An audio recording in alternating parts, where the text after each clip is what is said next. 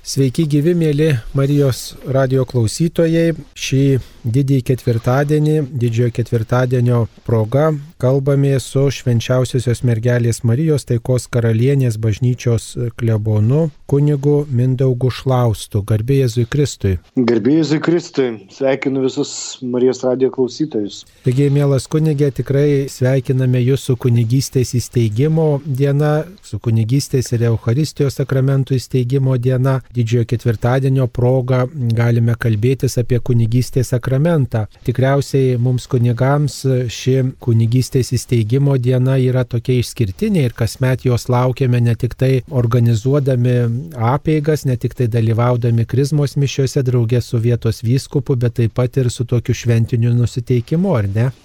Taip, iš tiesų ši diena ypatinga padėkoti Dievui už tą kunigystės dovaną, kurią taip pat kasdieną, ypač aukodami šventasis mišes ir šį didįjį ketvirtadienį, išgyvename kaip didžiulę malonę, bet taip pat turbūt kiekvieną kartą tarptų kasdieninių rūpešių, kasdienybės mes išgyvename tokį ir atsinaujinimą.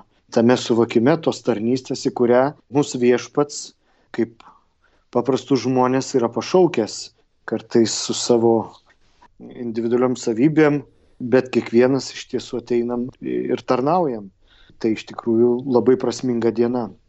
Ši diena yra tokia tarnystės diena, kai reikia rūpintis kitais, bet taip pat turbūt prisimename kunigai ir savo pašaukimą. Galbūt, na ir jūs prisimenate savo pašaukimą didžiojo ketvirtadienio progą arba kažkokius kunigystės tarnystės momentus.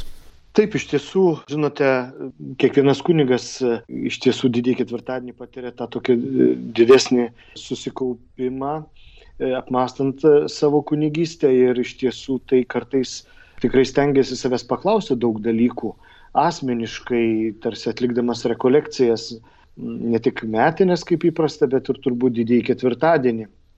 Žinote, mane tikrai įkvėpia popiežiaus Pranciškaus žodžiai, kurie pakviečia mus kaip kunigus įsimastyti. Tai iš tiesų ta, kad kunigas, kaip popiežius Pranciškus sako, turi būti aistringas, užsidegęs, mokėti atpažinti ir turėti mokėti, kaip pasmerkti blogį, kaip ganytojas savo bendruomeniai turi atiduoti už avis gyvybę. Tokiu ganytoju buvo Paštas Paulius, kuris mums tarnauja kaip pavyzdys ir neapleisti kaimenės. Tai pirmoji kunigo savybė - būti aistringu kaip popiežius įvardyja, ar ne? Toks kitas momentas - išvalgus žmogus. Būti tikrai išvalgiam žmogui, ypač šių dienų kontekste, kai išgyvenam įvairiausių nerimų kartu su visais taip pat, bet būti išvalgiam ir būti šalia savo tikinčiųjų, nes jie žiūri ir padėti žmonėms atpažinti tą melo tėvo viliojimą, kaip taip pat įvardyje popiežius Pranciškus, tai iš tiesų e, būti išvalgiam ir atėjusiam žmogui, kaip prabilti jį, e, kaip, e, kaip patarnauti su meile ir susidūrus su įvairiom tom situacijom kartais žmogui atitolusiam nuo tikėjimo ir kartais, kai reikia patarnauti ir įvairiausių iškyla klausimų, tai iš tikrųjų kaip taip išvalgiai jam pasakyti daug dalykų, bet taip pat ir jo neįžeisti, jį skatinti eiti tuo tikėjimo keliu ir, ir nenusiminti, kai kartais, ypač šiandien dienai, susidurėm, kada žmonės gyvena be bažnytinės santokos ar ne ir, ir iš pažintytų, negali duoti išrišimo, bet kažkaip va, tą žmogų gražiai vesti, tai va, tos išvalgos, kaip jį vesti, kaip pakviesti į bendruomenę, kad jis jaustųsi bendruomenės dalimi. Ir taip pat toks dalykas, apie ką kalba popiežius Pranciškus, tai mokėjimas iškelti viešumon. Apaštalas mus ragina, kad negalime būti naivus, ar ne, ir iškelti viešumon blogus dalykus. Tai kaip tėvas turi įspėti kartais savo bendruomenę, iš tiesų, taip, kaip popiežius Pranciškus duoda tą pavyzdį, kaip tėvai vaikučiai, kuris išdikaudamas įma kišti pirštus į rozetę, ar ne? Ir iš tiesų pasakyti, kad, na, nėra tai gerai ir tai yra tau pavojinga, tai taip pat vat, iškelti viešumon tuos kai kurios dalykus. Jūs minite popiežių Pranciškų, kuris taip pat dažnai vartoja žodį kūrybingumas. Tikėjimas turi būti taip. kūrybingas, tai reiškia taip. ne tik tai toks, kuris, na taip, tokias schemas taikytų, trafaretus, stereotipus, bet, na, ieškoti kaip pritaikyti, ieškoti tokio savito ryšio su tikrove. Turbūt tas žodis tinka kūrybingumas ir kunigo tarnystė, kaip manot? Taip, su kuriuo susiduriu iš tiesų kasdieną ir va, tas išvalgumas gal čia kiltų iš šitą, būti išvalgiam ir kūrybingam, kaip prieiti prie to žmogaus, atrasti galimybę, pakalbinti jį ar ne. Ir štai kaip tik turėjom pokalbį su suaugusiaisiais, kurie visus metus ruošiasi sakramentus priimti ir krikšto, ir ruošiasi sutvirtinimo sakramentui. Tai e, tikrai labai gražios išvalgos, kada žmonės jau suaugę, bet e, neturėtų santykio su bažnyčia ir ateina ir tu matai, kaip e, per visus metus jie pasikeitė ir jie tikrai dėkoja ir turi labai gražių išvalgų, bet čia ir yra mūsų ta tarnystė, primokėjimas prieiti prie jų, paskelbti Evangeliją jiems, Kristaus atneštą išganimo slėpinį. Tai savai aišku, tai turi būti kūrybinga, savita, kaip išgyvenom pandemiją, kad e, taip pat visi, manau, kunigai, kiekvienas stengiasi būti su savo bendruomenės nariais. Tai nuotoliniu būdu, bet palaikyti tą dvasę ar ne ir kviesti ir, ir vis tiek jiems patarnauti su išradingumu pagal tą situaciją, kuri tuo metu yra. Ir iš tiesų čia turi būti kūrybingas taip. Na, jums teko darbuotis įvairiose kunigiškos tarnystės, tokiuose specializacijose, kaip galima pasakyti, įvairiose pareigose. Buvote ir vikaras, ir parapijoje, ir sekretorius e, nunciatūroje, taip pat ir esate klebonas. Galbūt dar kažkur teko turėti tokios e, specialios kunigo tarnystės, na, tokios specializacijos kitos. Ir ką galite pasakyti apie tos kunigiškos tarnystės skirtumus, tos skirtingus akcentus, kurie vat, yra skirtingose vietose?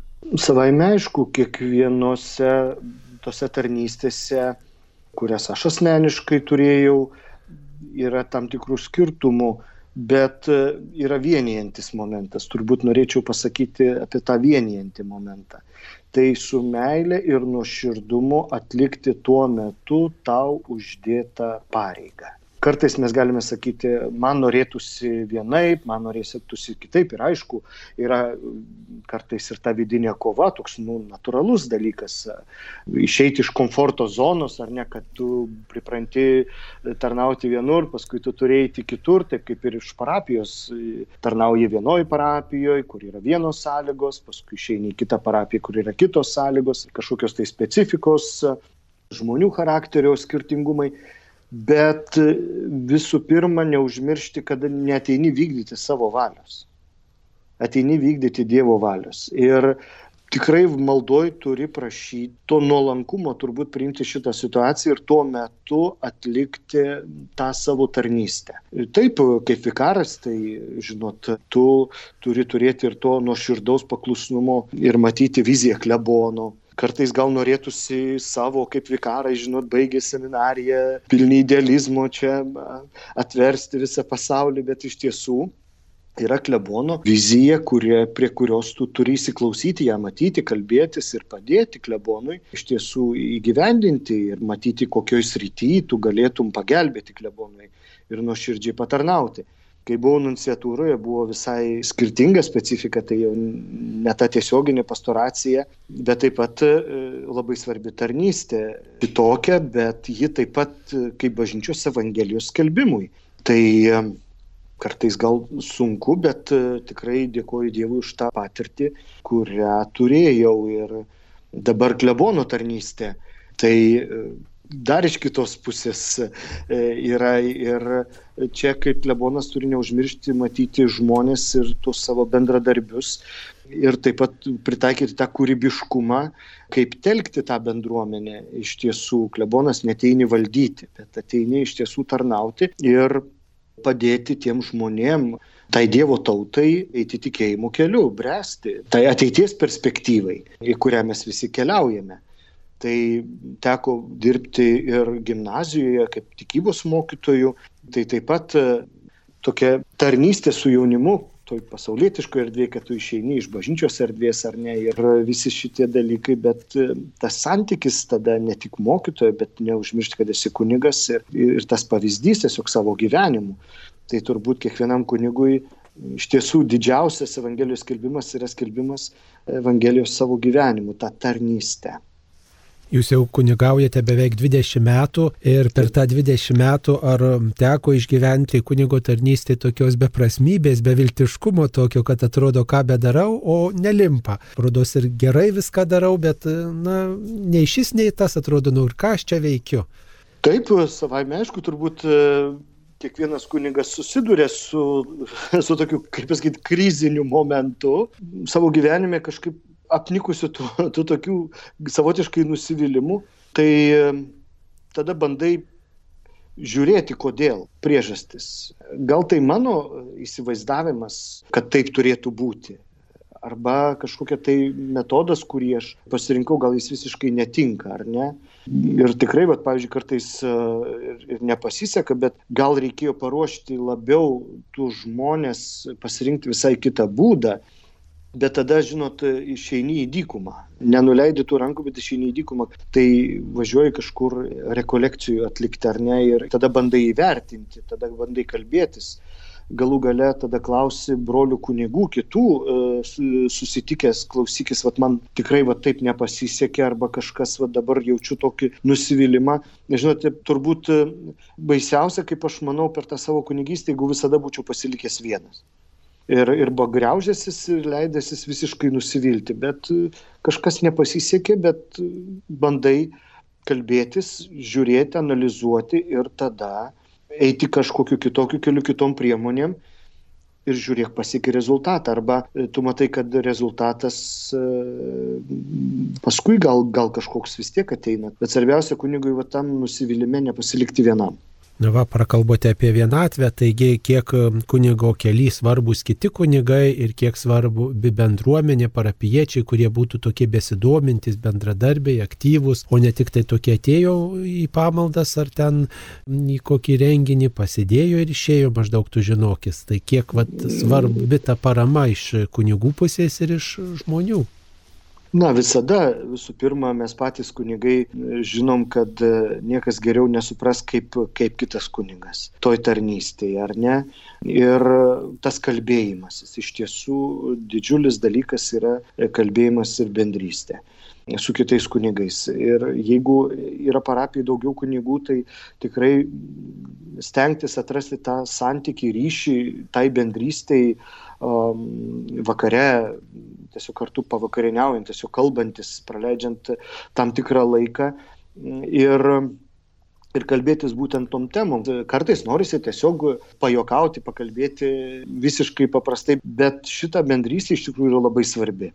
Pasauliečiai taip, jie vaidina didelį vaidmenį ir taip pat kunigo tarnystėj tai yra svarbu taip pat va, turėti tą santykį ir su savo bendruomenė bei juos kviesti, juos įveiklinti. Kada popiežius Pranciškus yra sakęs, kad krikščionis turi atrasti save bendruomeniai, tada išsiskleidžia jo krikščionybė. Savai aišku, kai mes kalbam apie nedidelės bendruomenės, tas žmonių pakvietimas ir įveiklinimas, jis yra didesnis, kalbant apie didelės parapijas, kai yra keletą tūkstančių tavo tikinčių, keturiolika ar ne, ar ten daugiau, gal yra sunkiai prie kiekvieno prieiti, bet vis tiek turim kviesti. Ir kunigas neturi visko atlikti parapijai vienas. Jeigu jis bus tik kaip solinis dainininkas, tai iš tiesų žmonės tada tik ir ateis pasiklausyti ir tiek, kiek tu ten gražiai soliuosi pagal savo gabumus. Bet jeigu iš tikrųjų sukuri tą darnų chorą, tą bendruomenę ir tada matai tą rezultatą ir tada tie žmonės jaučia ir atsakomybę ir, ir kitaip žiūrint. Nebelieka jie vien tik stebėtojai. Nėra lengva iš tiesų. Kiekvienas kunigas gali pasakyti iš tiesų ir daliai žmonių tikrai jie ateina, jie džiaugiasi, kai yra gražu, tai jie pakritikuoja. Bet tai yra natūralu ir turbūt nereikia kartais ir užakcentuoti tų dalykų, bet stengtis tada pakviesti tų žmonės į bendruomenę. Ir Parapijose, kur buvau kaip vikaras ar dabar kaip klebonas, tikrai visada džiaugiausi ir tą paramą iš tų savo tikinčiųjų, kurie yra visada šalia. Ir kartais net padrasina, sako, nenusiminkite, kokio palaikymo reikėtų kunigams e, šiais laikais įvairiose tarnystėse, esate paragavęs tos kunigo duonos ir stebite ir kitus kunigus, kurie įvairiose tarnystėse atlieka misiją. Tai kokios mhm. tos paramos, pagalbos šiais laikais kunigai labiausiai pasigenda ar tokių žmonių aktyvumo, įsipareigojimo, atsakomybės prisėmimo, iniciatyvos ar dar kažkokio prisidėjimo prie kunigiškos tarnystės atlikimo ar dar kažko kito. Na, nežinau, iš savo patirties tai didesnio įsitraukimo ir tas atsakomybės prisėmimas, jis yra labai svarbus, kada tu tikrai gali pasitikėti, kada bendrai kalbantis su savo tikinčiaisiais, kurie prisima tam tikrą tarnystę, iš tikrųjų, bet ir mes kunigai turime mokėti pasitikėti jais. Mes visada turim būti šalia, lydėti juos ir iš tiesų ir palaikyti ir, ir, ir padrasinti, ir pakviesti, ir, ir neapleisti, bet šiandien dienai turbūt kartais žmonės bijo prisimti apskritai bet kur atsakomybės. Jie turi labai gražių iniciatyvų, bet bijo, kad gali suklysti, kad gali nepavykti. Ir man atrodo kartais ir nepavykus nesureikšminti, bet tiesiog labiau padėti ir dar labiau drąsinti iš tiesų. Bet šiandien dienai turbūt vat, nenorėjimas kartais, nes tai atsakinga, tai nepatogu, žmonės dar ir mūsų nėra iš tiesų labai įpratę prisimti tam tikrų atsakomybių bažnyčiai, nes bažnyčia vis tiek yra tokia kartais mistifikuota, pakelta į, į tokį lygmenį, tarsi jie atitrūkusi nuo žemės, bet tai yra bažnyčia mūsų bendruomenė, tai esame mes. Ir, ir štai šis suvokimas, kurį labai svarbu iš tiesų suprasti, man atrodo, kad mes turim labiausiai turbūt kunigai padėti tą suprasti šiandien dienai ir pakviesti, nebijoti prisimti atsakomybės. Turbūt kviečiame žmonės kiekvieną sekmadienį, kas skelbimus skaito ypač kleboną ir įvairiomis o, progomis. Taip. Va, ir tada džiaugiamės labai, kaip tie žmonės atsiliepia. Turbūt kunigui didžiausias džiaugsmas, kai teikiant sakramentus, yra na, pilna bažnyčia arba kai tie žmonės labai sąmoningai, labai aktyviai, labai su tokiu entuzijazmu dalyvauja. Ką Taip. išgyvenate teikdamas e, bažnyčios sakramentus žmonėms? visada išgyvenu didžiulį džiaugsmą. Ar tai būtų krikštas, ar tai būtų santokos sakramentas, ar atgailos sakramentas, kada matau nuoširdumą. Ir tą troškimą žmogaus tikrai Dievo atvertų savo širdį. Savai aišku, kartais reikia įvesdinti žmogų, padėti žmogui, tai tą džiaugsmą išgyventi, kad jis tikrai gauna Dievo malonę kad iš tikrųjų jis gauna dovanų, kad visa tai tarnaus jam būti jam visų pirma laimingam kaip žmogui.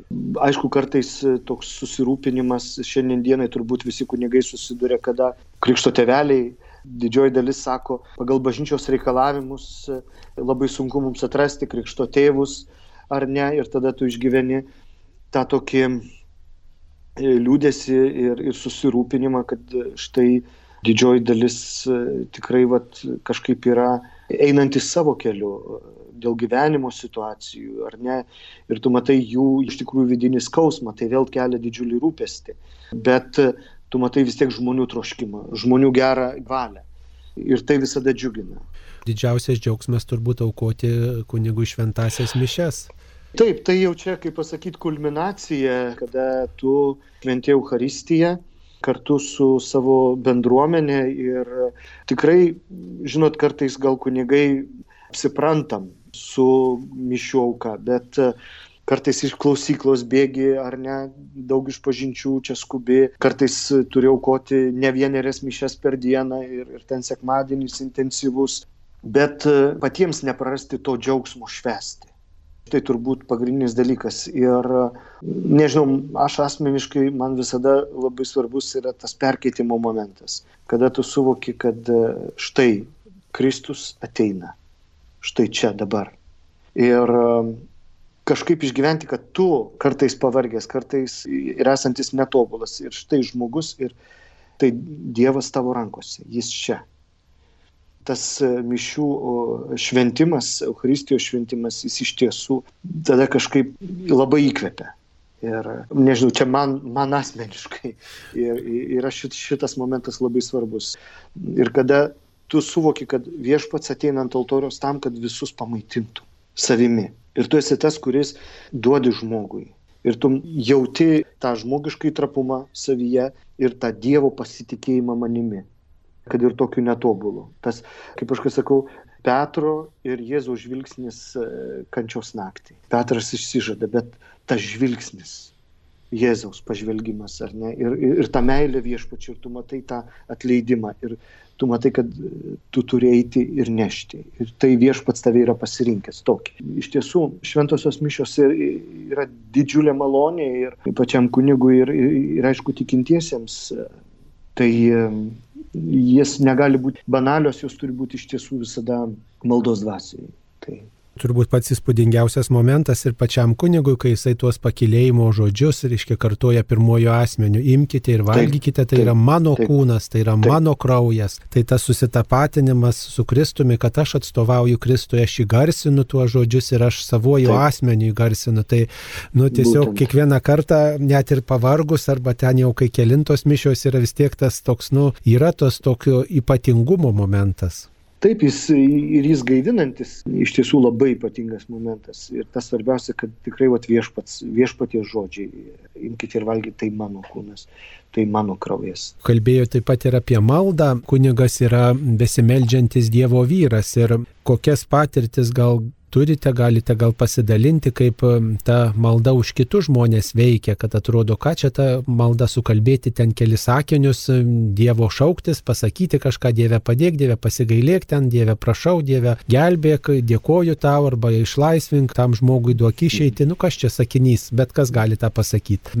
Gal turit kokios tokios vat, įžvalgų ar patirties šiuo klausimu, kai va, meldėtės ir matėt, kad tikrai žmogaus gyvenime vyksta pokyčiai kai tarnystę atlikau nunciatūroje, vieną dieną mes su nuncijum važiavom į miestą, tiesiog troliai busu ir, ir viena moteris atpažino nuncijų ir priejo ir paprašė palaiminimo.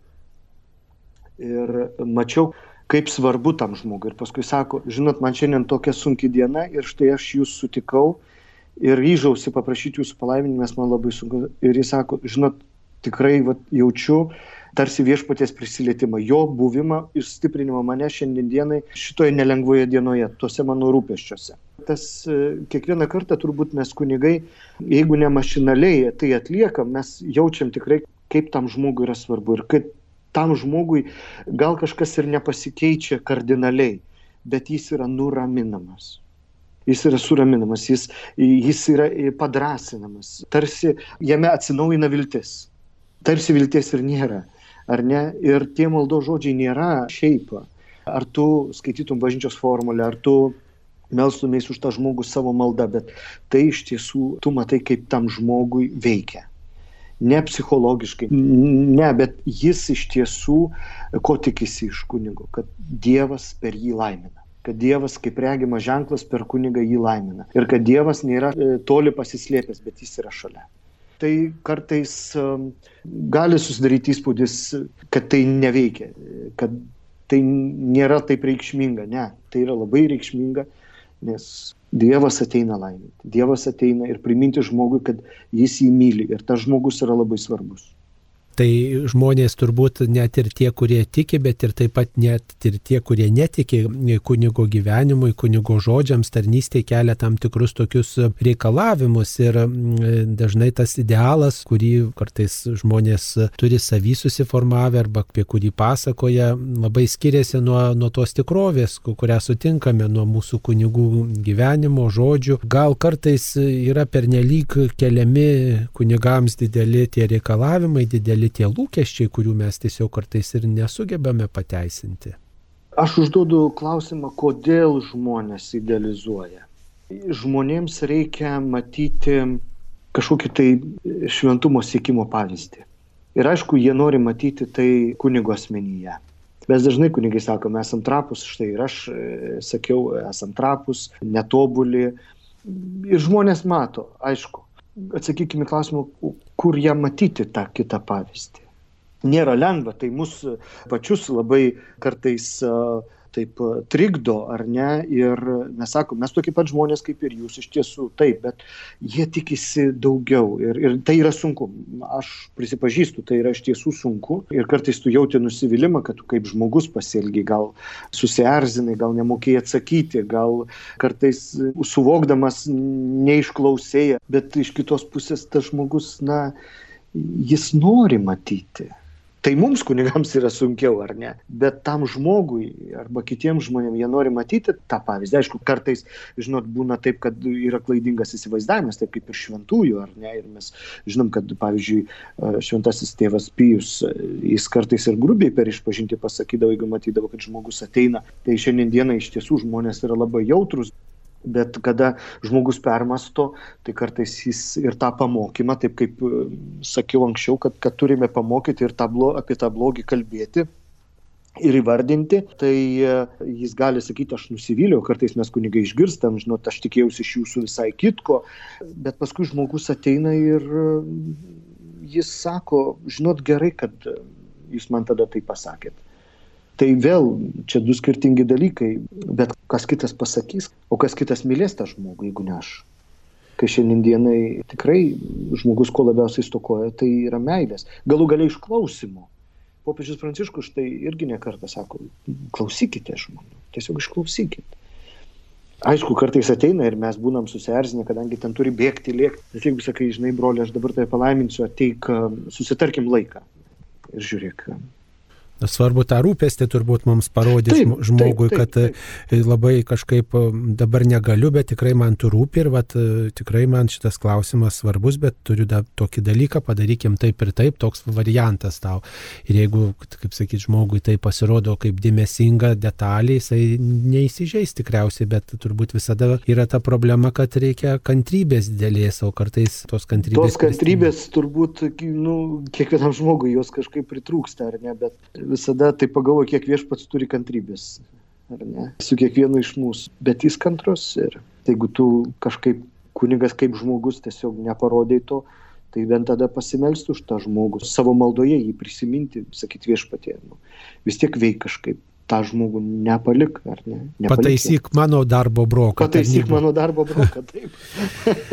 Pataisyk mano darbo broką. Na, kunigai kartais barami čia ir iš viskupų, ir kartais ir popiežius pabara už klerikalizmą ir už e, tokį pasaulietiškumą, su pasaulėjimą, tokį tarsi tokie du kraštutinumai yra kunigai pernelik pasaulietiški, kita vertus, reiškia, kaltinami tokiu klerikalizmu. Mhm. Ir atrodo, visi žino, koks tas kunigas turėtų būti ir popiežius, ir viskupai, ir, ir klebonas, ar ten kitas viršininkas, ir pasauliečiai. Tiesiog visi žino, koks tas kunigas turi būti. Ar kartais gal čia yra ta didžioji pagunda priklijuoti etiketę prie šitos tarnystės žmogaus ir, ir skubėti pasakyti, turi būti taip, taip ir taip, ir sudėti lentynėlės, bet juk čia yra gyvi žmonės iš gyvos visuomenės ir, ir turbūt nu, netaip vis dėlto paprasta pasakyti ir, ir padaryti, reiškia įgyvendinti tą reiškia, tikrovę, kunigo gyvenimo tikrovę, kokia jinai šiais laikais turėtų būti, kad nėra taip labai viskas paprasta, kaip kartais gal žmonėms atrodo.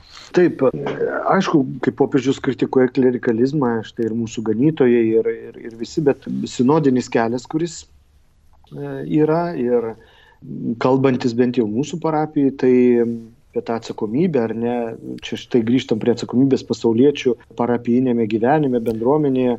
Vis dėlto patys žmonės, tarp kitko ir popiežius tą patį sako, kad kada pasauliečiai perima, jie taip pat tarsi kūrė tą pasauliečių klerikalizmą. Tai kartais gal tai nėra visai išvengiama, čia kaip idealo siekimas yra. Ir aišku, mes turime su to kovoti, bet turbūt visiškai negalim, nes ir pasauliečiai, jie nori vis tiek viską palikti kunigui ir kunigas už viską atsakingas ir, ir, ir už remontus. Kada tampa pasauliečiai daugiau galinti, jie taip pat apsivelka tuo, tuo klerikalizmu rūbu.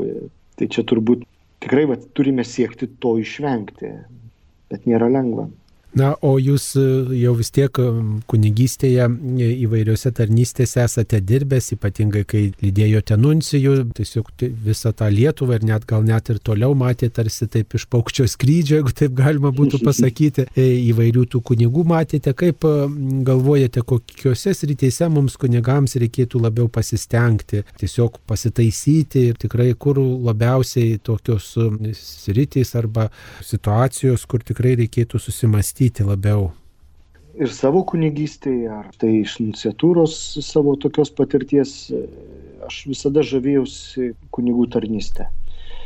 Žinot, turbūt taikau ir savo visada žvelgti Jėzaus žvilgsniu. Labai daug daro kunigai ir iš tikrųjų yra kūrybingi ir, ir kartais pavargę yra iš tiesų susitikti gal tą Jėzaus žvilgsnį ir paskui žiūrėti Jėzaus žvilgsniu.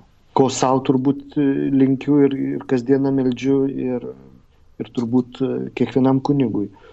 O iš tiesų tikrai kunigai, štai teko matyti ir, ir Estijoje dirbančius kunigus, kur yra mažuma, jų, jų nėra iš vis ten daug, ar ne, ir tikičių bendruomenė yra šiek tiek virš 6 tūkstančių katalikų visoje Estijoje, ir štai Latvijoje Bet e, kiek nuoširdumo iš tiesų ir to atvirumo ir, ir buvimo kartu su savo bendruomenė ir, ir, štai, ir pas mus Lietuvoje iš tiesų kunigai tikrai visada yra tarp savo žmonių.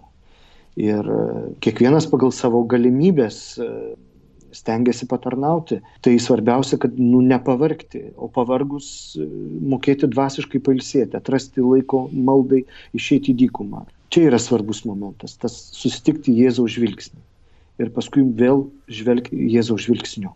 O ar nėra taip, kad mes kunigai, būdami vyrais, tiesiog kartais nedrįstame prašyti pagalbos arba pripažinti, kad man nesiseka, tikrai turiu tam tikras ribas ir, ir negaliu padaryti to, ko negaliu ir reikia ieškoti, kas man padėtų ir pripažinti savo silpnumą, kartais gal tokios vyriškos taip, ambicijos taip, taip, tam trukdo. Taip.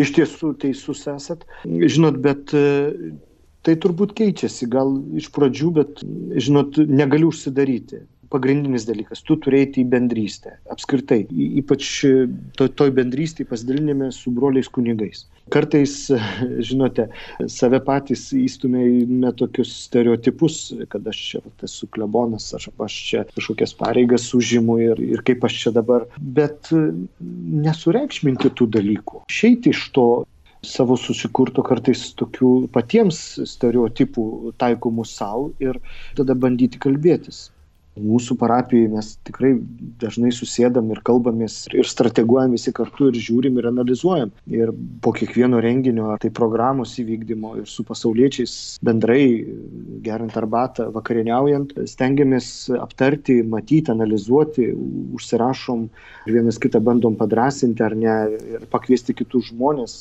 ir panašiai mums yra sunku, aišku, kartais mūsų vidinis ego yra, reiškia, ir kaip vyram sunkiau turbūt tas emocijas išreikšti, pripažinti kartais klaidą, bet tikrai va, pirmas dalykas tai yra atrasti tą bendrystę. Ir tikrai kunigai turi bičiulių, kurso draugų ir kitų, tiesiog turi dalintis.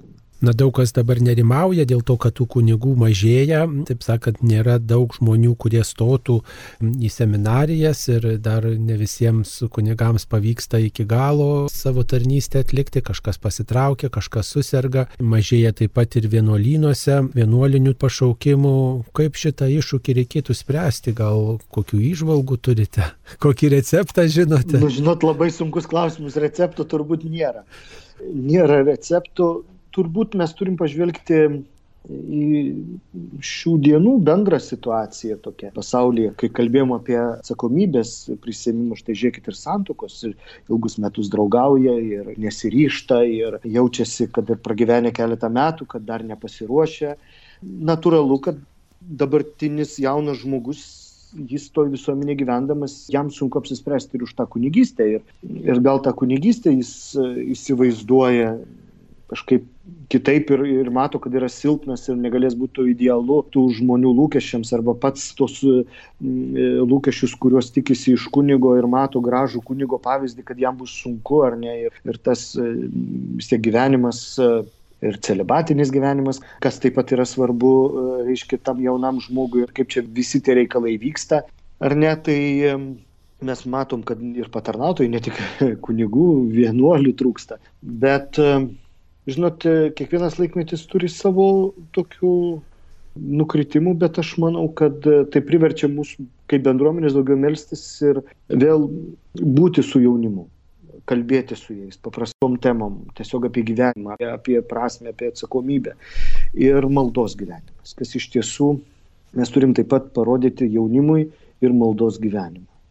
Ne tik atlikdami katechezę, bet juos įtraukdami į kažkokias tai veiklas, tikrai parodyti ir meditacijos bažnyčioje svarbą, ir adoraciją, ir ieškoti tų galimybių, būdų, ir kad pamiltų ir tas žmogus tikrai, kad per tą maldą mokėtų apsispręsti, prisimti atsakomybę visų pirma. Mėly Marijos radio klausytojai, šioje laidoje bendravome su švenčiausiosios mergelės Marijos taikos karalienės bažnyčios klebonu kunigu Mindaugu Šlaustu. Kalbėjomės apie kunigystės pašaukimą. Šiandien didįjį ketvirtadienį švenčiame kunigystės ir Euharistijos įsteigimo dieną. Taigi sveikiname visus brolius kunigus. Šią progą linkime tokio tarnystės džiaugsmo ir taip pat broliškumo, nepristikti, vienas kitą palaikyti ir džiaugtis šiuo pašaukimu, rodyti žmonėms į viešpatį. Kuniga Mindauga Šlausta kalbinau už kuniga Saulis Bužauskas. Būkite palaiminti, te viešpats globoja ir te laimina jūs per mūsų kunigų tarnystę. Ačiū sudė.